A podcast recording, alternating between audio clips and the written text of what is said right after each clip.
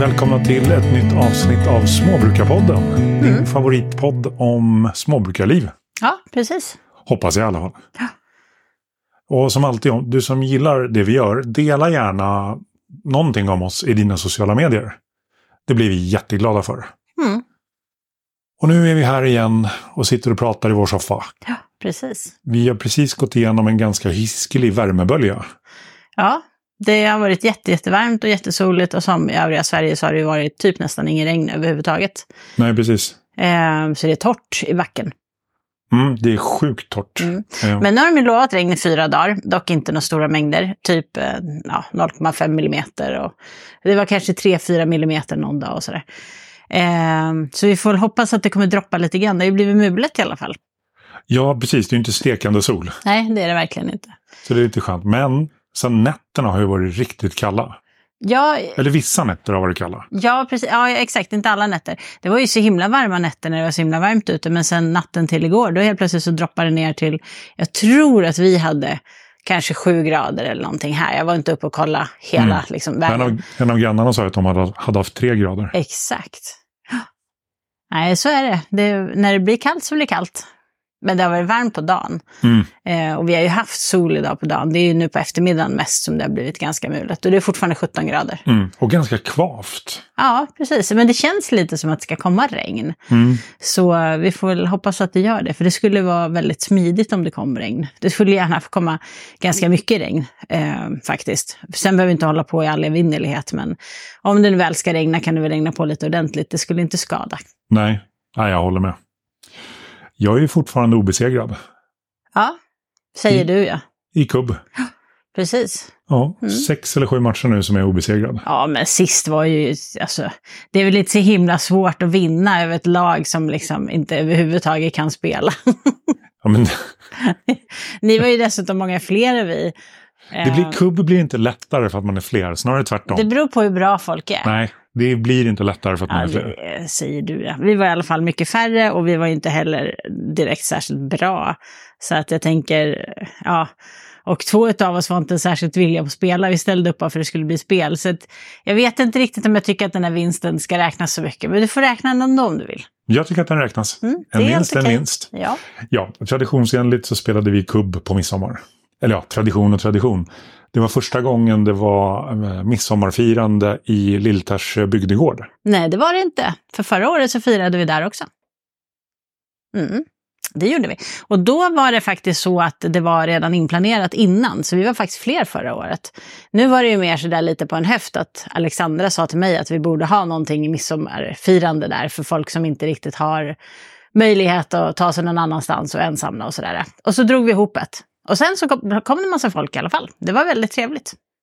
Ja, jag har inget minne eller minneslucka över att det var midsommarfirande förra året. Ja, nej men jag är ganska säker på att jag har rätt den här gången, så du får nog lita på mig. Så får väl kolla något äh, gammalt protokoll eller någonting sånt sen.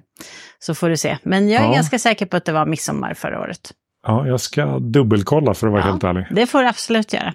Det var hur som helst så var det väldigt, väldigt trevligt att ha midsommarfirande. Och eh, som vanligt så dök det upp lite folk ifrån byn och så kom det några som vi inte kände, som bodde i en annan by. Så Mm. det var väldigt trevligt. Det var kul. Ja, Jag gillar faktiskt. midsommar. Jag gillar liksom att äta massa olika mat. Ja, och det är så himla mysigt när man har en så här bygdegård som liksom ägs av oss som bor här. Mm.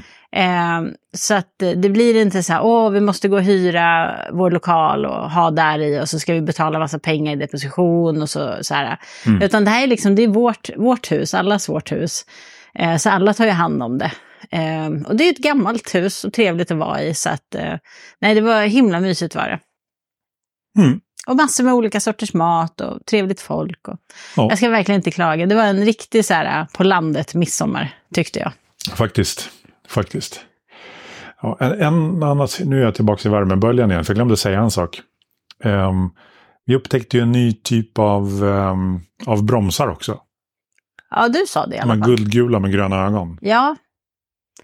Ja, det kan ju vara så. Jag vet inte, jag har sett någon guldig. Jag har inte riktigt reflekterat över om jag tycker att de är ny eller inte. Men, men du tyckte i alla Okej, fall att det var den en ny storleken sort. och den färgkombinationen har jag inte sett Nej. förut. Det verkar ju finnas väldigt mycket olika bromsar.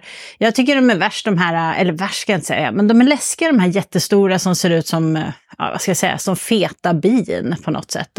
De är som en korsning mellan en bi och, ett hum, en, ett bi och en humla. Mm. För de är randiga, men de är liksom lurviga och så är de tjocka. Eh, och så är de stora, alltså de är typ 3-4 centimeter Ja, långa. precis. Eh, jag kallar dem för hästbromsar. Eh, jag vet inte om det är exakt det som brukar kallas för hästbroms, Mm, jag men jag kallar dem det för Ja. de är jättestora. Eh, sen finns det de här klassiska små svarta med prickiga vingar. De som ser ut som ett stridsflygplan. Liksom. Ja, exakt. De finns, verkar finnas överallt. Så det hade vi i Stockholm också, Ja. vet jag. Men de är ju livsfarliga för de börjar ju liksom bita så här innan de landar. Ja, det är mycket möjligt. Så de, De- är liksom på gång och käkar liksom innan de... Ja, de stora kanske är lite sävligare på något sätt. Alltså de landar och sen efter en liten, ja det tar ju en liten, någon Mm, millisekund de är mer så här, åh vad är det här? Titta, Man här man hinner äta. liksom slå dem innan de bits som man ser dem. Men de Mm. där små, de, som du säger, de verkar bita i luften liksom lite grann. Ja. Ja, nej, det, och sen finns det säkert massor med andra bromsar som vi inte har upptäckt. Jo, men det är ju så, jag, jag satt och kollade på skillnaden mellan bin och humlor häromdagen. Mm.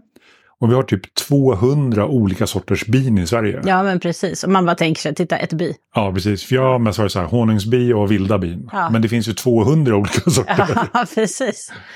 Så det, ja. Ja, nej, jag gillar inte bromsar för att de, när de väl har fått korn på en så har de en tendens att verkligen jaga en. Alltså de är ute efter en. Mm. Eh, det, det är ju liksom inte, bin och getingar är ju inte riktigt på det sättet. Getingar kan ju vara i och för sig lite målsökande, men stör man dem inte så brukar de ju inte jaga en. Nej. Men bromsarna, de kommer från ingenstans, kommer upp på en så bara, dig ska jag äta på. Och sen kan, de ju, sen kan man gå iväg och så följer de ju bara efter. Precis. Så ibland det enda sättet att bli av med dem det är att vänta på att de sätter sig och så smacka till dem. Ja. Har man tur då slipper man bettet, att man hinner liksom slå innan. Men det är inte alltid man gör det. Nej. Och sen kliar de där betten också bra mycket tycker jag. Ja, faktiskt. Så att, ja, jag vet inte, jag tycker bromsar är obehagliga. Och så surrar de gärna runt huvudet 15 varv. Man står Ja. där och viftar som jävla tok, man träffar ju ingenting liksom. Men det är bara så här obehagskänsla tycker jag när de snurrar runt huvudet. Jo. Jag håller på att testa olika myggmedel som jag postar om på, i våra sociala kanaler. Mm. Och man kan säga så här att Centaura, det är ju den enda som funkar. Ja, Så där, alltså, visst, eh, US 622 eller vad den heter, den funkar jättebra mot knott. Alltså Ja. verkligen superbra. ja, Men den funkar inte mot flugor, den funkar inte mot bromsar. nej. Men Centauran, den funkar verkligen... Centauran verkar vara väldigt så här all around. Alltså tar man på sig den i tillräckliga mängder, man får inte riktigt slarva, så, Nej.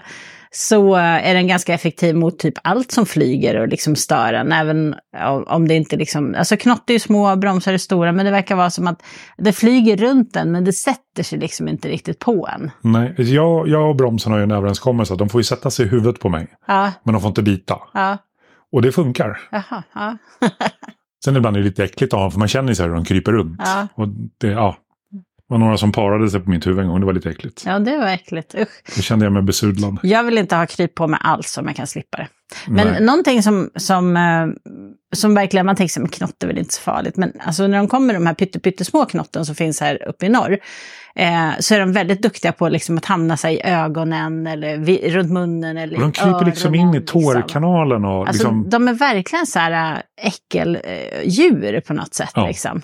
Eh, så man tänker sig, ja men det är inte så farligt, man känner att de bits lite grann. Och sen helt plötsligt känner man här, det kryper på en liksom Överallt. överallt. Nej, men de, är, de tycker jag inte heller om och de kliar så in i helskotta. Mm. Jag är ju väldigt känslig för alla typer av bett.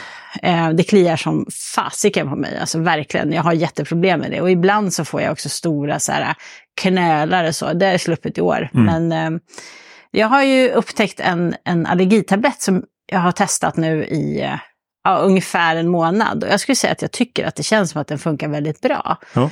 Den heter, nu ska jag säga rätt här, eh, den heter eh, Ebastin. Ebastin. Ebastin. Jag kallar den för Esteban. Ja. Eh, därför jag aldrig kommer ihåg vad den heter. Eh, och eh, den ska vara speciellt effektiv mot just klådan efter myggbett. Mhm. Eh, och jag tycker att det känns som att den är effektiv mot klådan efter även bromsbett och knottbett och så. För efter att jag började äta den så har det absolut inte kliat särskilt mycket. Ja, Nästan skönt. så att det inte har kliat alls. Ja. Eh, men innan så, jag höll ju på, alltså jag kliade ju så det blödde varenda dag. Det kliade, kliade, kliade. Det tog liksom aldrig slut. Och jag smorde med så här, eh, vad heter den där bedövningssalvan? Xylokain. Xylokain, precis. Ja. Jag smorde med xylokain och jag provade med, vi har en sån här salva som också ska vara väldigt effektiv. Eh, vad heter den nu då? Ja, det spelar ingen roll för den säljs i alla fall inte längre. Men ingenting funkade liksom. Men Nej. efter att jag började käka eh, Ebastin så har jag nästan inte haft en klåda alls. Det är jättebra. Ja, det är superbra, för jag har ju garanterat haft bett med, jag har bara inte känt av dem. Ja, precis. Ja, några som är lite obehagliga också, det är den här härliga saken som jag inte hade lärt känna tidigare. Den här svidknotten. Ja, det är den där mikroknotten som jag pratar om, Mm. som är så himla liten. Så om man har myggfönster i så måste man ha dem supertäta, för att den är alltså eh, typ så här 0,1 millimeter stor, mellan 0,1 och 0,3. Mm. Vilket gör att genom så här standardmyggfönster som man brukar kunna köpa på nätet och så här, sådana som man hänger upp med lite magneter eller lite så här Mm. självhäftande remsor och sånt. Den åker igenom dem, Ja. för att den är så sjukt liten. Och den är så liten så man ser den inte förutom om den kommer i moln. Och knotten kommer ju gärna i moln, Oh ja. så då kan man se ett moln, absolut. Men om man står ute sådär så helt plötsligt bara känner man att det bits överallt. Och då är det den där lilla jäkeln och det kliar något så in i bängen. de, men det svider ju när de biter. Ja, det gör det. Det är det som är så intressant, att just den svider. Ja, men det kanske är så att de bits. Till skillnad från de andra som kanske sticks. Jag vet Ja. inte. Jag vet faktiskt inte hur knott gör, gör ifrån sig, höll jag på att säga. Men Nej. jag vet inte om de bits eller om de sticks. Ja, ja, jag, känner, jag börjar känna ett behov av att läsa på om, om de där. Ja, nej, det För det finns mycket så här uschiga kryp. Det är därför jag har så svårt för skogen. För att går man in i skogen då flyger det saker överallt. Ja. Och jag som är lite känslig, nej, jag får ju kli bara kommer in i skogen liksom. Mm. Fast det jag tycker är så skönt, för vi har inte fästingar. Nej. Alltså, det finns fästingar, men vi har det inte i samma utsträckning som i Stockholm. Nej, precis. Än så länge så tack och lov så har vi ju inte det. Men jag tror att på några års sikt, jag vet inte, tio år kanske, så kommer vi säkert ha ett mindre fästingproblem här också. Men i Stockholm så är det ett jättestort Mm. fästingproblem. Det är helt sjukt. Och vi ska inte tala om lite längre söderut. Jag kommer ihåg när vi var eh, nere mot Huskvarna till, vad kopiöst mycket fästingar det var Mm. på vissa ställen. Men eh, här uppe så är det, ja jag tror Samurai fick en fästing förra året, eller kanske två. Så Ja, de existerar, men det är fortfarande väldigt, väldigt lite. Och det är inte värt att liksom ge en Bravecto för det. Nej, precis. Utan eh, när vi hittar så plockar vi. Mm. Så. Kommer du Ja. ihåg att jag visade dig en ganska lustig video? När någon som hade en, om det var en hundvalp eller någonting. Och så lät de en höna plocka fästingarna på den. Ja, jag tyckte det var jättekonstigt. det såg ju lite praktiskt ut på något sätt. För hönan var väldigt duktig på att plocka de där fästingarna. Mm. Jag undrar om de har tränat den till att göra det. De äter ju småkryp. Ja, precis. Men jag vet, jag vet inte om... Alltså, man ska inte tro på allt man ser på internet Nej, heller. Det ska vi inte göra. Men det såg lite kul ut. Mm, Ja. Ett annat kryp som flyger det är ju just honungsbin. Ja, Jag fick ju lite feeling idag så jag skulle sätta på en ny, eh, ny låda på bikupan. Mm. Och då tänkte jag så här, ja men det är varmt ute, jag har kortbyxor, t-shirt. Ska jag ta på mig långbyxor och den här varma skyddsjackan? Mm. Nej, det går ändå. För jag ska ju bara liksom lyfta på locket, stoppa dit ramen, eller stoppa dit lådan och stoppa på locket och gå därifrån. ja. Så sagt och gjort. Jag fick feeling så jag gick dit. Och så lyfte jag bort locket och så insåg jag att eh, där var ju foderlådan som jag inte har tagit bort. Mm. Så då fick jag lyfta bort foderlådan. Mm. Och då blev ju bina lite så här intresserade. ja, för de undrar vad som hände i kupan. Ja. Mm. Och så satte jag på um, eh, den nya, nya ramen. Mm. Och då tyckte bina att det här var inte så schysst gjort. Nej, de tyckte inte om det. Så det var en som stack mig på handen direkt. Och det, det är också så här, jag får ju inte liksom några svullnader när jag blir stucken av bin. Nej, du får mässa. Det är ont kanske när de sticker, men sen försvinner det, eller Ja, hur? Som, ja, alltså, jag känner ju när de sticker, det är så här, aj det gör ont. Ja. Och så slår jag bort gadden så fort som möjligt. Ja, Eller tar bort den liksom. Men sen nu, jag ser ju inte ens vart det var den stack, men jag har ju lite ont. ja du har lite ont. okej. Så, och så inser jag att jag fick ett bett på, eller det var, ja just det. Och sen var jag tvungen att gå tillbaka för att lägga på locket. ja. Och då var de ju lite småsura. Så när jag la på locket då var det flera stycken som slog mot huvudet på mig. Mm. Men det var ingen som stack. Nej. Men Men det alltså- kändes som att det gjorde ont på foten och nu känner jag att det var, det var ett bi som- stack ja. där. Men har man snälla bin så ska det där inte vara något jätteproblem. Sen kan man ju rekommendera folk att ha bidräkt i vilket fall som helst. Speciellt om man inte känner sina bin så ska man absolut ha bidräkt eller om man är känslig och sådär. Men jag har ju sett folk som håller på med sina kupor lite grann och inte är så jättenoga med bidräkter alla gånger. Eh, men jag vet att våra bin var väldigt snälla, men förra sommaren så tyckte jag att de var jäkligt ilska. För de anföll mig ett par gånger när Mm. jag stod och slog med lie. Eh, ja, men kanske 10 meter från kupan eller någonting sånt. Ja.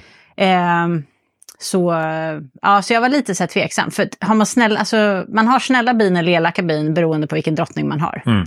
Är drottningen snäll så är bina också snälla. Och då gör de inte så himla mycket. De är nyfikna men de gör inte så mycket om man liksom inte hotar dem. Nej, precis. Och det slår Eh. med lie på andra sidan, andra sidan vägen. Det tycker jag inte är att hota. Nej, precis. Det borde varit så långt ifrån att de inte brydde sig. Men, men eh, jag, det, jag fick bin efter mig flera gånger när jag stod där. Så det, då, då var de inte så snälla faktiskt. Nej.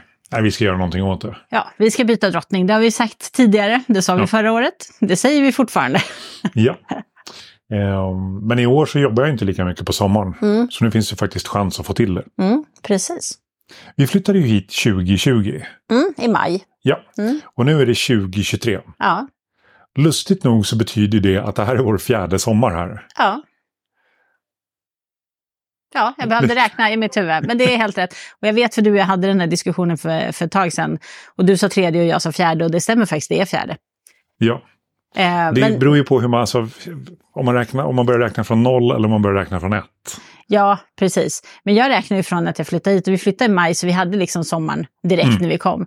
Och det var ju ganska logiskt då att när vi kom i maj så hade vi ju inga förplanteringar, vi hade ju ingen markberedning, vi hade, Vi hade ingenting gjort. Liksom.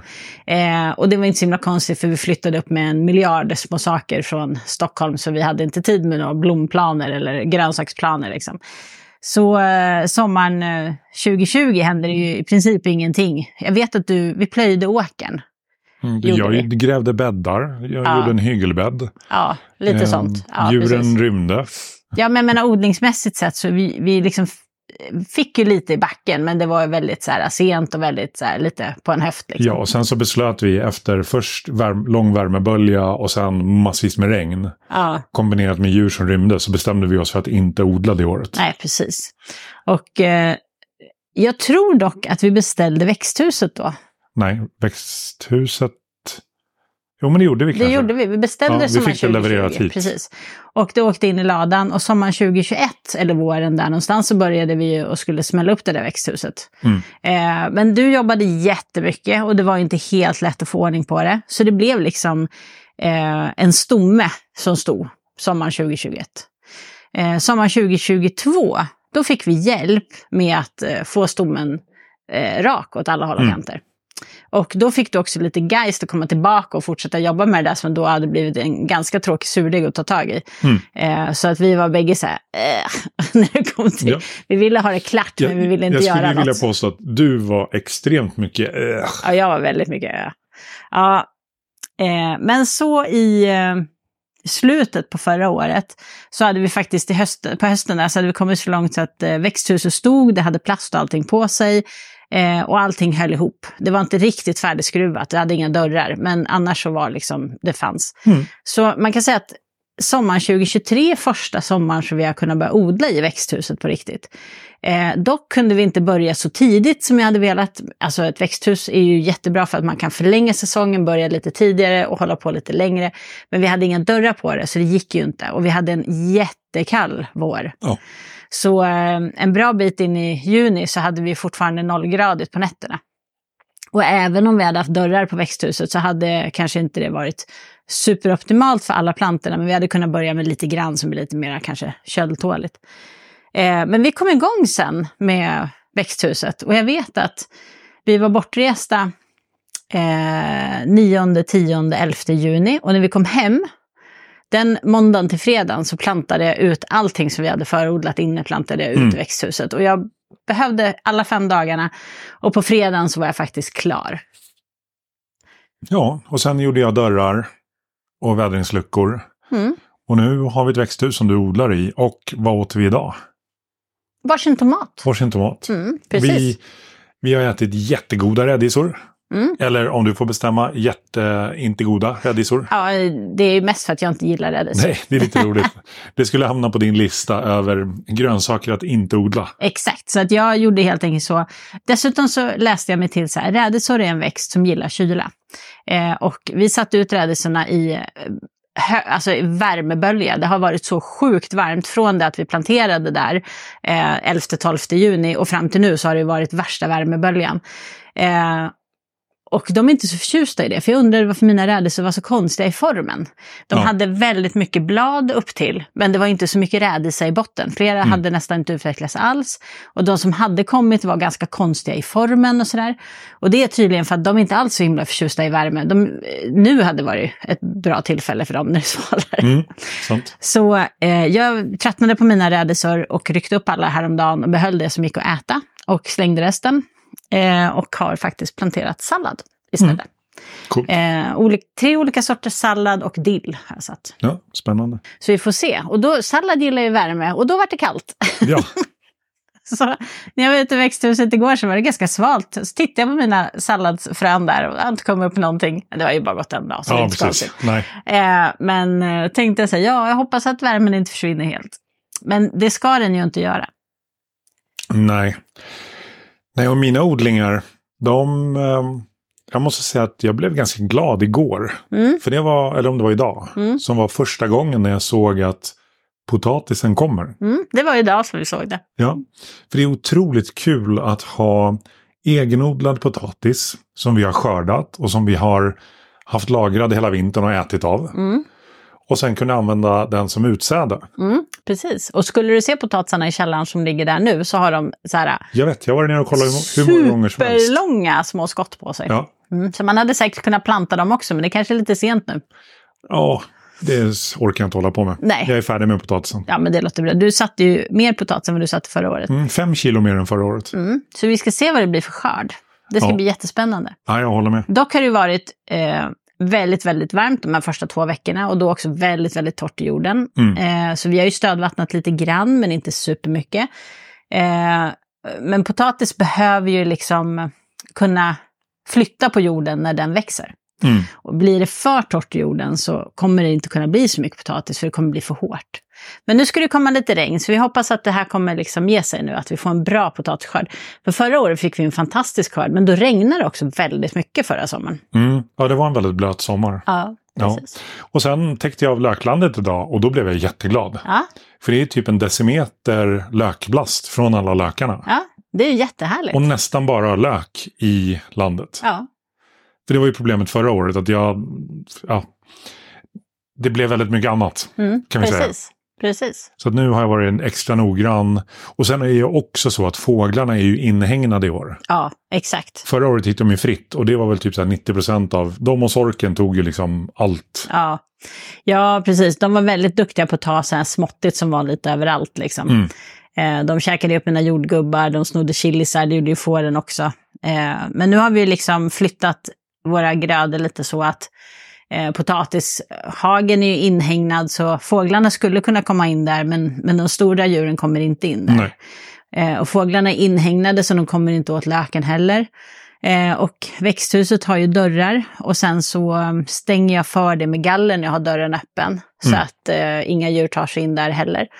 Ehm, så vi försöker hålla koll, för grejen är den att även om man har djuren inhägnade, eh, fåren rymmer lite nu och då. Och då får de bara ett par timmar på sig, då har de ju liksom länsat allt. Så det Ja, gäller de att är man så har extra opålitliga skydd. för de kan ju liksom få för sig, de bara, där är någonting kul. Lite, nej, eller jag vet inte varför jag går här, men jag går här. Så bara, men då går jag väl hitåt. Ja, precis. Och jag har ju hittat dem i växthuset tidigare, för att Mm. de knatar in och bara kikar vad är det här. Och finns det då någonting grönt och kvistigt, så då äter de liksom. Oh ja. Eh, så att, eh, men nu har jag ju, jag har ju planterat mina absolut starkaste chilifrukter precis vid entrén, så går de in där och smakar så kanske de backar ut igen. Kommer de springa igenom växthuset. Ja, Ja, nej, men tanken är att djuren ska förhoppningsvis inte äta upp det vi odlar i år. nej. Men sen måste jag säga att jag har verkligen hittat min passion på gården. Mm, Och det är, det är djurhållningen. mm, Alltså odling, alltså det är, potatisen är kul. Det, det gillar jag.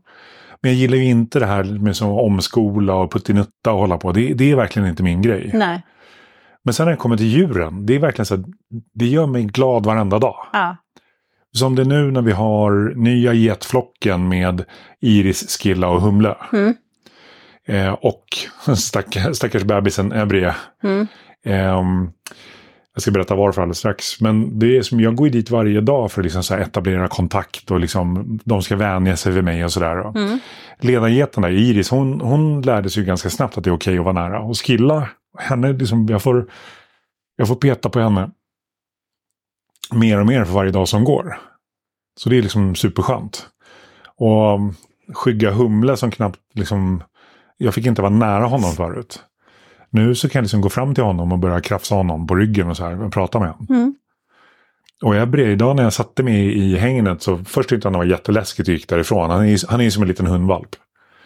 Um, men sen efter ett tag så kom han och så började han så smaka på kläderna och slickade mig på benen. och Jag får börja få ta på honom och liksom så. Så det är verkligen det är en relation som växer fram. Mm.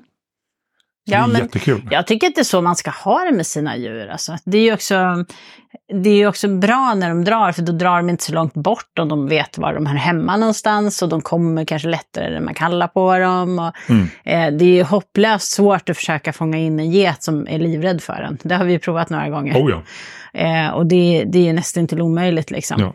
Så att eh, man behöver liksom ha den här relationen. Jag tycker den är A och O. Och jag tycker definitivt på ett småbruk där man inte har så stora besättningar ska man ju kunna ha det. Absolut. Det är, sen, den, den som jag kanske inte riktigt, eller jag har den relationen med, men hon, när hon väl kommer loss så väljer hon ju själv väldigt mycket. Och det är ju grismorsan. Mm. Men nu senast när hon rymde, då, då um, gick hon runt ett tag. Och vi hade lite snack och sen så gick hon faktiskt tillbaka själv till, till sitt skjul. Ja, men det är så, grisar är också otroligt nyfikna och tycker det är jättekul att komma loss och undersöka och sådär. Eh, men de är så stora djur så att om de bestämmer, de är envisa också, så bestämmer de sig för att de ska vara på ett ställe eller vill gå åt ett visst håll så har man inte så himla mycket att sätta emot. Eh, man rubbar liksom inte 200 kilo bara sådär. Vilket är jättekul för att Servais, alltså vår gås, Mm. Han rubbar på 200 kilo gris. Ja, precis. Men Vilket- han är ju som ett litet så här, och så nyper han henne i rumpan och då flyttar hon ju på ja, sig. Liksom. ja, det är superkul. Ja. Nej, men det är viktigt att ha relation med djuren på gården tycker jag. Och jag tycker det är en självklarhet i ett småbruk tycker Ja. jag. Det blir, jag. Jag skulle tycka det var konstigt om jag kom till ett annat småbruk och de bara, ja men vi går aldrig in till getterna för de är så himla rädda för oss eller någonting sådant. Då skulle jag tycka att det var jättekonstigt. Ja, för jag vill ju ha djuren så att de är nyfikna på mig, men de är inte beroende av mig. Mm.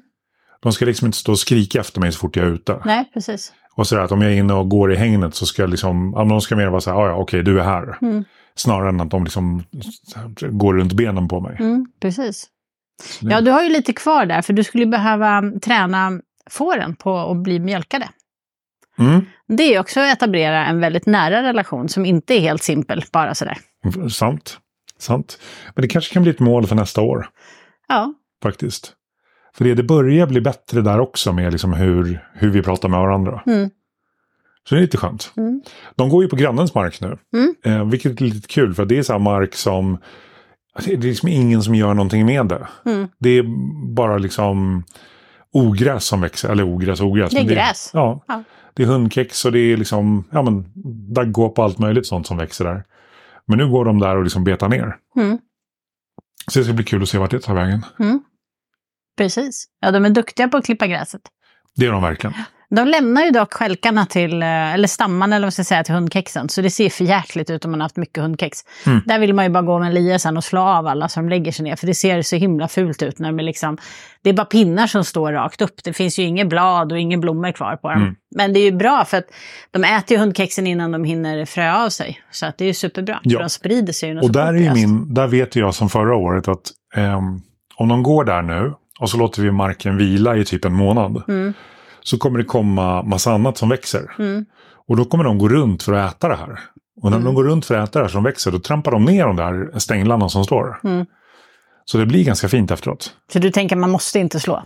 Jag tänker inte slå. Nej. Men det skulle vara finare om man gjorde det. Du får jättegärna gå dit och slå om du vill. Ja, det är lite tacksamt att slå hundkex. Ja, det är att kul. Det säger bara tjopp tjopp och så går Ja. de av. Det är liksom inte svårt. Du kan ju ha en jätteslö lie och det går ändå. Liksom. Ja, du kan slå med bandyklubba liksom. Ja, lite så. Ja. Men där, där getterna gick förra året och de fick beta ner så här hårt. Mm, För då trampade de, de trampade upp en lerig yta. mm, I och med att det var så blött. mm, Ehm, där sådde jag ju råg. mm, Och den eh, kommer att gå att skörda. mm. Det är Det- jättekul. Det kommer en hel del där, så det är verkligen superkul. Ja. Jag har ju faktiskt beställt lokalodlat vete och korn. Har jag Ah, beställt okej. nu från en rekogrupp i Mm. Sollefteå. Eh, och det ska bli jättekul att prova. Det är dock inte Västernorrland, det är Jämtland som ju ligger precis Eh, ja, men, eh, Alltså, en, ju- en gräns till Jämtland, det var är en kvart härifrån eller någonting. Nej, sju minuter. Ja, okej. Ja, sju minuter härifrån. Så vi bor ju väldigt så här, nära kanten. Sen vet inte jag exakt var i Jämtland de ligger. Men om de är med i Sollefteås rekogrupp så ligger de nog lite åt det här hållet i alla Mm. fall. Eh, så eh, det är ju jättekul att de odlar sitt eget spannmål och sen maler de det på en kvarn som finns i närheten. Eh, så jag har beställt fyra kilo stenmalet vetemjöl, fyra kilo eh, fint vetemjöl och ett kilo tror jag eh, grovt korn kanske. Jag kommer inte Mm. riktigt ihåg. Jag tog lite av varje. Ska jag prova att baka med det. Det är superintressant, för det är ju lite de tankarna jag har, liksom att kunna producera saker som vi kan sälja Mm, precis. när det kommer till mjöl.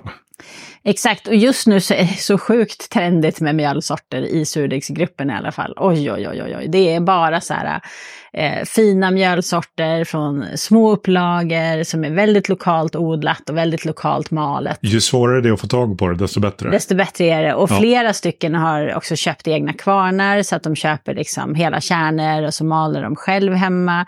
Så man ser när de skriver i Kina liksom vad de har haft i brödet, så här, så här nymalet står det liksom och så har de malt det själva typ och så. Så att det är supertrendigt inom eh, surdegsgruppen i alla fall med eh, småproducerat lokalt mjöl av olika slag. Ja, Det är, ganska superkul. roligt faktiskt. Det är alltid kul när det blir lite trend i sånt som, eh, som faktiskt odlas i Sverige.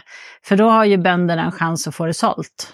Ja, absolut. Eh, det är ju mycket värre när trenden är så här, köp det billigaste mjölet du hittar som kanske kommer från någon okänt EU-land liksom. Eh, för då är det ofta väldigt svårt att sälja det här svenska för att det blir så pass mycket mer, alltså det blir mycket dyrare att producera såklart. Det går inte att konkurrera med sådana jätteodlingar någonstans i EU liksom. Eh, så jag gillar när det blir lite trender i sånt. Jag Mm. tycker det är väldigt charmigt. Ja, faktiskt. Faktiskt. Och någon gång så hoppas jag också att vi ska kunna sälja eget mjöl och egen surdegskultur. Mm. Det tycker jag skulle vara jätteroligt. Jag skulle säga surdegskulturen är ju närmare än um, mjöl. Ja, alltså ja, precis. Det är inte så svårt att sälja en surdegskultur. men, Nej. men mjölet är lite pilligare. Alltså, men jag det- tycker kombon skulle vara trevlig. Mm, faktiskt. Ja, det blir ett otroligt bra kit. Mm, precis. Sådär i slutändan. Och då är vi inne på Foodmaker. Mm. Ska jag, jag kan berätta att jag är antagen på reservplats tre på Foodmaker-utbildningen. Jaha, vad kul. Tänk att de hade reservplatser ändå. Det trodde jag inte. Ja, nej. Jag trodde det skulle vara bara tjopp rätt in, för de har haft så himla lång ansökningsperiod. Den skulle ha stängt... Eh, den skulle, den skulle ha stängt tror jag, skulle 7 ha stängt. juni. Eller, nej, Den skulle ha stängt för länge sedan. Ja, precis. Men den har inte gjort det. Ja, men du är antagen. Jag är antagen, precis. Så jag hoppas du kommer in också. Ja, det hoppas jag. Fast tre per, om de bara ger mig adressen så kan jag liksom övertyga folk. Ja, eller? Nej, men alltså det brukar vara ganska många som hoppar av, har jag hört från de som har folkhögskoleutbildningar, så brukar bortfallet vara ganska stort. Eh, Folk söker väldigt brett. Och man fick en vecka på sig att tacka ja när man fick eh, antagningen. Eh, och nu är det ju semestertider, så folk har kanske inte koll på sin mail. Så svarar de inte på en vecka, då går ju platsen till en reserv automatiskt. Precis. Eh, så jag tänker att oddsen för att du ska komma in är nog ganska stor. Mm, jag hoppas det, för det där är en utbildning som jag... Alltså utbildningen heter Foodmaker Matentreprenör. Mm. Och det är Changemaker Educations AB Boden som kör den. Så det kan, ja, jag vet inte, det kan bli riktigt kul. Ja, ska du berätta lite vad man ska göra på utbildningen eller? Tänkte jag du skulle berätta. Nej, men jag har inte koll på det just nu. Jag har inte någon text uppe som du sitter här och fipplar med. Ja, jag satt med antagningsbeskedet, det var därför. Jaha, vad är det du hade? Ja, nej men alltså Foodmaker, det handlar ju egentligen om att ehm, skapa entreprenörism kring lokal mat. Mm, precis. Det ska jag säga. Och då ingår det liksom att man ska hitta sin matidé. Man ska lära sig att göra den på ett säkert sätt. Mm. Man ska lära sig att marknadsföra och sälja den. Precis, så det är liksom eh, det är liksom hela kittet. Det är förutom själva att hitta din idé och att tillverka den och alla lagar och regler kring livsmedel och sånt. Så är det också marknadsföring och företagsekonomi och lite sånt Mm. i det hela. Vilket just själva marknadsföringen och företagsekonomin känner jag mig ganska säker på. Mm, men det kan vara kul att få det lite fräscht. Säger jag. Företagsekonomin och eh, marknadsföring och försäljning känner jag mig ganska säker på. Men det är ganska kul att bara få upptäcka nya saker, upptäcka saker tillsammans med andra. Mm, precis. Så det ska bli kul. Ja, och vi har ju inte gått i skolan tillsammans du och jag än så länge. Nej, det kan ju bli intressant. Ja, precis. faktiskt. Mm. Ja, jag tror att det blir kul. Jag har ju gått i skolan med Rasmus i två år nu, våran son, och eh, det har varit jätteroligt faktiskt. Mm. Så eh, det kan, det, jag tänker, jag har inga problem med att tro att det kan bli jättekul att gå i skolan med dig också. Nej, nej men jag, jag hoppas verkligen på det där, men man vet ju aldrig vad som händer. Mm. Ja, nej, så att det här är vår fjärde sommar här. Det, är liksom, det känns... Jag, jag känner mig som en del av Lilltärse. Ja, Jag tycker det känns liksom som att vi är en del i byn och liksom en del i gemenskapen. Ja, jag tycker att vi har börjat komma in väldigt bra i byn. Liksom. Nu sitter vi också i styrelsen för vår bygdegårdsförening. Eh, och du är med i styrelsen för vattenföreningen tror jag. Mm. Och eh, vi har liksom ändå lärt känna folk lite bättre. Sådär. Ja. Eh, och ja, men jag tycker det känns som att man är liksom hemstad och lite rotad i byn på något sätt. Och det känns också som att folk ser en som en del av byn. Och som en bidragande del, Mm, absolut. precis. Så att eh, jag trivs ju fortfarande fantastiskt bra, men jag håller med om att det känns som att vi har landat ännu mer. Jag tror vi kommer landa under många år. Ja. Eh, så kommer vi landa och liksom hamna djupare i det här eh, samhället. Liksom här. Mm. Men det som jag gillar med Lilltärse är ju att det är en väldigt liten by. Som just nu har fått ett himla uppsving för att det är flera ganska unga som har flyttat hit. Och det känns som att det finns mycket vilja att göra saker och också väldigt högt i tak. Mm. Ehm, för att som jag har förstått det utav de äldre som bor i byn var att när de flyttade hit på 80-talet och var unga så var inte alltid de äldre eh, supernöjda liksom sådär och tyckte åh det ska bli så kul att hitta på massor med nya saker. Utan då var det lite så här, så här har vi alltid gjort, så här ska det göras. Mm. Styrelsen hade ett eget rum på bygdegården där de kunde sitta. Mm, precis. Så att det var liksom, eh, det var, det var lite en annan tid så. Men nu har ju de blivit gamla i byn. Ja. Eh, och de är superpositiva till allt som vi kommer dragandes med. Liksom. Mm. Det spelar ingen roll om någon säger så här, jag vill ha jumpa varje fredag i bygdegården eller jag vill hålla en eh, kurs i någonting eller jag vill eh, försöka samla in pengar för att göra en vandringsled. Eller, alltså det verkar som att de tycker så här, ja men det är kul, ja men går det, ja men det blir bra. Så här. De är verkligen på och det tycker jag är så himla skönt istället för att man ska sitta med några så här bakåtsträvare som bara, nej, så har vi aldrig gjort förut, så det behöver vi inte göra nu heller. För det är så himla tråkigt när man kommer så här, ung, och, äh, ung ska jag inte säga att jag är, men engagerad och ny liksom. Så Ja. det är så trist när folk bara så här, trycker ner den direkt. Så har jag aldrig gjort. Nej, precis.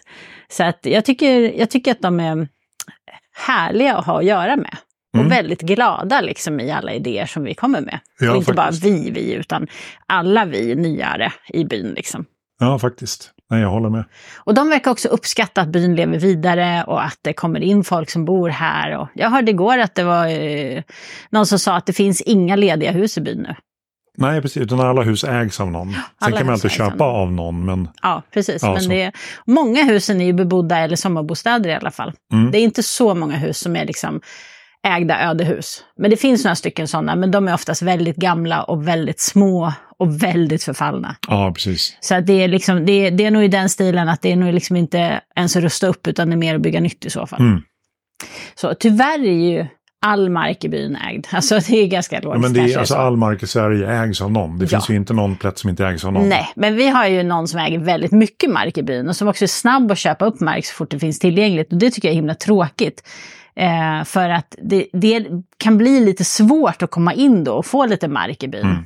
Mm. Eh, men det är ju så det har blivit i de här mindre byarna när det har liksom det inte har funnits intresse för folk att köpa. Då har de som har haft intresse att köpa kunnat köpa väldigt mycket Ja. under väldigt lång tid. Nu verkar det vara lite trendigt med inflyttning och då börjar man se eh, problematiken i det. Att oj, titta, det går liksom inte att köpa det där för det är redan uppköpt. Mm. Eh, så att det, det är lite synd i det, så det är ganska logiskt att det har blivit så. Men det är lite tråkigt ibland kan jag tycka. Mm, nej, men jag håller med. Mm. Jag håller med. Nu, jag sitter och kollar på en sak som vi har hängande här. Mm. Som jag pratar lite grann om. Och det är flugpapper. Ja, precis. Flugpapper det är ju någonting som jag förknippar med landet och bondgårdar och Mm. som... Ja, alltså det är ju så här, har man djur på landet, då har man flugor. Ja. Det går inte att komma ifrån det. Nej. Alltså de kommer med bajset, tänker jag. Alla Ja. djuren bajsar ju ganska mycket. Och då kommer ju flugorna och de, använder ju, de, de fördelar ju bajset och gör om det till en massa näringsämnen och så. Det är ju liksom första steget i flugorna. Ehm, så att flugorna har ju verkligen en funktion.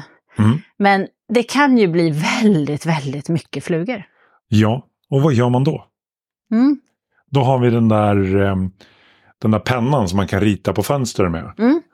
Som, eh, den är ju sjukt giftig. Ja, precis. För flugor i alla fall så är den jättegiftig och väldigt effektiv. För de går där och så dör de. Ja, och den får inte användas i vissa utrymmen och det är eh, inkuba, inte, inkubation, det andra ordet, alltså samma. Det går en viss, har man använt det på ett ställe så får man inte ta mjölk från djur under en viss tid. Ja, jag förstår. Så du kan inte bara stoppa in det och använda typ i en mjölkstall eller någonting sånt? Nej. Nej. Ehm, men den funkar. Ja, den är effektiv. Ja.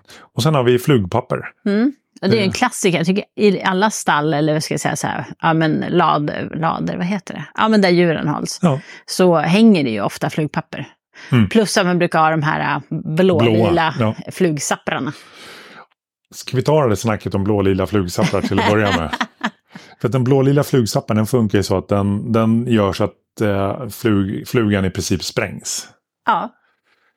Vilket är ganska olämpligt om man har det i närheten av mat. ja, jag kan säga så här, jag har sett många pizzerier som på sommaren har en här uppställd någonstans bakom disken. Mm. Och det betyder att man sprider, eller det är, här, det är inte bara pizzerior, men, så här, Nej, men det är där jag har sett dem. ja, man kan tänka på det om man har en sån hemma, att man sprider ju sprängda flugdelar Mm. över ett ganska stort område. Ja, exakt. Och de är väldigt små de här delarna, så de flyger ju, de flyger inte långt, men de virvlar ju runt ganska lätt. Precis. Så att man vill ju kanske egentligen inte ha en sån nära mat. Nej, eller nära matbordet. Precis. Eller, ja. Mm, exakt. Så det kan vara något att tänka på. Kan vara något att tänka på. Men flugpapper, alltså, är inte det den ultimata formen av djurplågeri? Jo, det är ju det. Jag har inte tänkt så mycket på det, men, men det är helt sant. Och ehm, värst är det nästan när det fastnar så här stora bromsar i dem, för att de lever väldigt länge på det där flugpappret. Mm. Tyvärr Man, ser, man de kan ju det. se liksom när en, ett större flugfä har landat. För flugpapperna, de, är, de har ju extremt klibbigt klister Ja, på sig.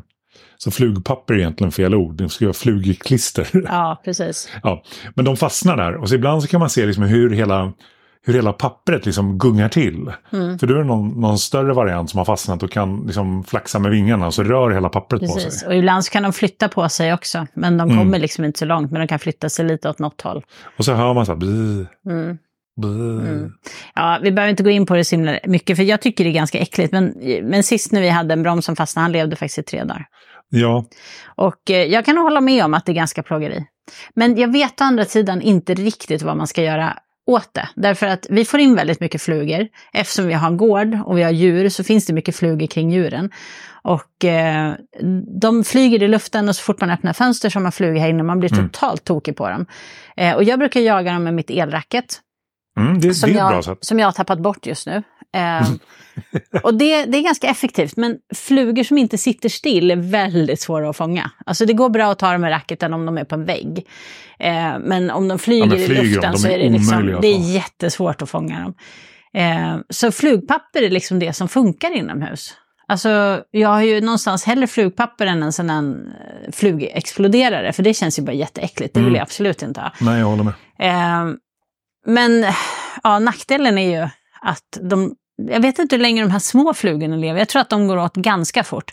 Men kommer det någonting lite större och fastnar i misstag i de där så lever de bra länge och det känns väldigt plågsamt. Mm. Man kanske ska ha lite så här typ radar eller någonting så att när det kommer en stor ska man spraya lite på dem så att man Mm, dödar dem snabbare i alla fall. För att jag har inget emot att de dör. Det finns ganska mycket broms och flugor, så det är inte så att man liksom har ihjäl en population. Men just att de sitter fast och lever länge, det tycker jag är plågsamt för dem. Så kanske man ska ha lite sånt gift så man kan ha ihjäl dem fortare Mm, då. kanske. Kan vara en tanke. Ja. Och sen det som vi har jobbat jättemycket med det är ju att främja levnadsmiljöer för djur som äter flugor, myggor och broms. Mm, precis. Och liksom, vi har fladdermusholkar. Vi har gjort i ordning så att det finns liksom rishögar, det finns bra med, med träd att häcka i och liksom allt möjligt. Mm. För fåglarna är ju liksom de bästa flugbekämparna. Jag tänker att svalorna tar nog ganska mycket. Det känns som att de borde äta mycket flugor och Mm. mygg och sånt. Och, De tar ju eh, inte det som kommer in. Nej, men, men utomhus, precis. Ja. Så att, eh, och vi, vi försöker ju... Nu, vi har inte gjort någonting för att svalorna ska komma tillbaka. Men vi har å andra sidan inte gjort något för att de ska åka härifrån heller. Jo, jag har sett till att dörren är öppen hela sommaren. Ja, men det. De, har ju, de häckar ju i ladan. Ja, precis. Jag vet att de häckar i ladan. Eh, men jag tycker förra året så hade vi dem, var vi tveksamma till om de var här eller inte, eller så var det färre här. Men i år vet jag att vi har hört dem mycket mer, så i år är Mm. de tillbaka. Eh, för året innan, eh, alltså för två somrar sedan, då kommer jag ihåg när vi såg bebisarna börja ta sina första flygturer och sånt. Det var så himla kul att se. Mm. Och det här sval, svalornas ljud, det här chattret, Alltså, det är de ju fantastiskt de är att lyssna från på. en tecknad film. Ja, Det går inte precis. att beskriva på något annat sätt. De, alltså deras chatter är ju helt liksom... Mm. Nej, så vi har ju inte varit på något sätt någonstans inne i ladan och stört deras bon. Nej. Utan de får häcka så mycket de vill De där uppe i Mm. övervåningen. Och det är väl det vi gör för att främja dem, tänker Ja. jag. Liksom, att de verkligen har någon chans Tyvärr så skit, där. skitar det ju ner en hel del. Ja. Men samtidigt, vi använder inte det och jag har knappt koll på vad som ligger uppe på logen. Nej, precis. Eh, Vi får väl, när vi börjar fixa i ordning det sen någon gång, så då kanske vi får hitta på någon lösning på det. Men tills vidare så kan de ju gott vara där. Absolut. En annan fågel som katterna tog, Ja. som jag inte har varit med om tidigare, det var ju skator. Mm. Alltså våra katter tog en skata. Mm. Och efter det att jag la upp den på um, skjulet till fåglarna, till hönsen, Mm. Så har vi inga skator. Nej, det är fantastiskt faktiskt. Eh, de är bra på det sättet att skjuter man en så håller de sig borta ett tag. Ja. Sen fattar de att det händer inte så mycket mer, så då kommer de tillbaka. Eh, och tar katten en så håller de sig också borta ett tag. Och sen kommer de tillbaka förr eller Mm. senare. Alltså det finns ju så mycket skator och kråkor och det är liksom ingen brist på dem. Så att, eh, och vi har ju haft ett, en stor flock som har varit här runt omkring oss. Eh, men det är väldigt skönt att vara med dem ett tag. Jo, men det här, jag hade en diskussion om det med, ja, det var på någon Facebookgrupp där folk tyckte att jag var, var liksom en hemsk människa som, dö, som dödade djur. Mm. Men skator och kråkor är ju extremt livskraftiga. Ja. och intelligenta och opportunistiska och alltihopa. Mm. Så förstår de att här på gården så är det farligt att vara. Mm. Då kommer de vara någon annanstans. Exakt. Och de är ju i skogen, vi hör ju dem. Liksom man hör ju när de, när de ser ett rovdjur, då kraxar de som tusan. Ja, precis. Så det är inte så att de är utrotade. det Nej, är bara det att vi har en överenskommelse om att här så bör du inte vara och rota bland våra höns och du ska inte ta liksom foder från kaninerna och Mm, sådana saker. För skatorna och kråkorna kan vara ganska elaka mot till exempel kycklingar. kan de ha ihjäl. Eh, Ja, de äter ägg. Den, De en, äter kråka ägg. Kan, eller en, en kråka kan ju ta ett ägg i munnen och flyga iväg. mm, precis, så de blir ju lite så här skadedjur i våra liksom, djurbesättningar. Mm. Eh, så därför vill man inte riktigt ha dem så himla nära huset heller. Om de kunde vara i skogen så skulle det vara superbra. Och om man kan få dem att vara i skogen genom att ibland ha ihjäl en av dem så tycker inte jag att det är hela världen. Nej. För det finns hur många som helst. Mm. Men det var precis det resonemanget som folk tyckte det var så hemskt Ja. Men då ska vi säga att vi upp, föder upp kött också för ätare. Så att, Ja. Vi födde inte upp saker för att mata djuren i det vilda. nej. Så det var samma sak med räven. Att det var någon som hävdade att liksom, men räven har ju också rätt att leva. Mm. Och jag håller med. Mm. Men den ska inte äta utav våra djur, för jag skyddar våra djur. Mm, precis. Ja, jag har ju sagt hela tiden att jag vill helst inte skjuta rävarna just för att jag tycker de är väldigt vackra och jag tycker de ska få finnas i skogen Mm. och sådär. Men rävarna är väldigt, väldigt smarta och när de har varit uppe på gården några gånger och plockat en höna eller två, liksom, då kommer de tillbaka för Mm. de vet att det går. Och då måste man liksom börja lite aktivt och skydda djuren för att annars så blir man av med hela besättningen. Och det är ingen som tycker att det är jättekul när de hör så här, åh, räven var inne i ett hönshus och tog 16 hönor liksom. Då tänker alla så här, men gud vad synd, tänk på alla hönorna. Ja, Mm. men precis, det är det vi gör. Ja. Vi förebyggande tänker på alla hönorna Ja. och ser till att räven inte kommer in där och tar allihopa liksom. Så att eh, det är lite så här, man får ge och man får ta. Räven får jättegärna vara här, men den ska helst inte vara på gården. Den får vara i skogen i så fall. Exakt. Den försökte ju ta våran kalkon förut, nej våran Gås. gås. Mm. Eh, förut. Men det lyckades den inte med och gåsen lever fortfarande och mår jättebra. Så jag är så himla glad att det gick bra faktiskt. Ja, det är skönt. Mm. Mm. Ja, du, jag börjar bli sugen på att kolla på film. Jaha, vad ska vi kolla på för film? Jag vet inte, någon bra film. Ja, då blir det kört. Då behöver vi inte kolla på någon film. Nej, jag ska. Men innan dess, så du som har lyssnat så här långt, tack så jättemycket för att du lyssnar. Mm. Och vill du få lite gårdsuppdateringar, ofta sånt som vi kanske inte pratar om i podden, eller bara liksom följa oss skriftligt, Mm. så rekommenderar jag att du går in på lilltorp.nu nyhetsbrev. Mm. Så kan du signa upp dig där och eh, få nyheter från oss om vad som händer. Precis. Och jag tänkte säga en annan sak och det vill du själv vara med i podden så kanske det också går att göra. Eh, om du har liksom eh, någonting gårdsrelaterat som du tycker är viktigt och vill prata om, kanske har en egen gård eller liksom har tankar kring hur man kan göra saker på annat sätt eller är väldigt duktig på någonting gårdsrelaterat. Så det går jättebra att höra av sig. Jag är Ja. lite kraxig i halsen, jag får be om ursäkt men jag Ja. hör att jag är det. Och du pratar jättesnabbt också. Ja, men det är för att jag inte vill att det ska kraxa kanske. ja. Och den som vill göra det eh, kan ju faktiskt börja med att gå in på lilltorp.nu podden. Mm. För där finns en knapp som man kan trycka på. Då kan man skicka röstmeddelanden till oss. Mm. Det är lite speciellt. Det är lite speciellt. Ja, men precis. Ja, vi tycker det är ganska kul när andra vill vara med och podda ibland. Så Mm. vi bjuder jättegärna in folk att vara med. Så är det absolut. Och med det, jag börjar bli som Clarkson så här. And on that note we end. är det det du har i ditt huvud? Ja, Ja, jag förstår. jag känner mig som Jeremy Clarkson. Ja, det är Ja. bra. Nej, nu är det filmtime. Ja, ha det bra hörni. Hej då. Hej då.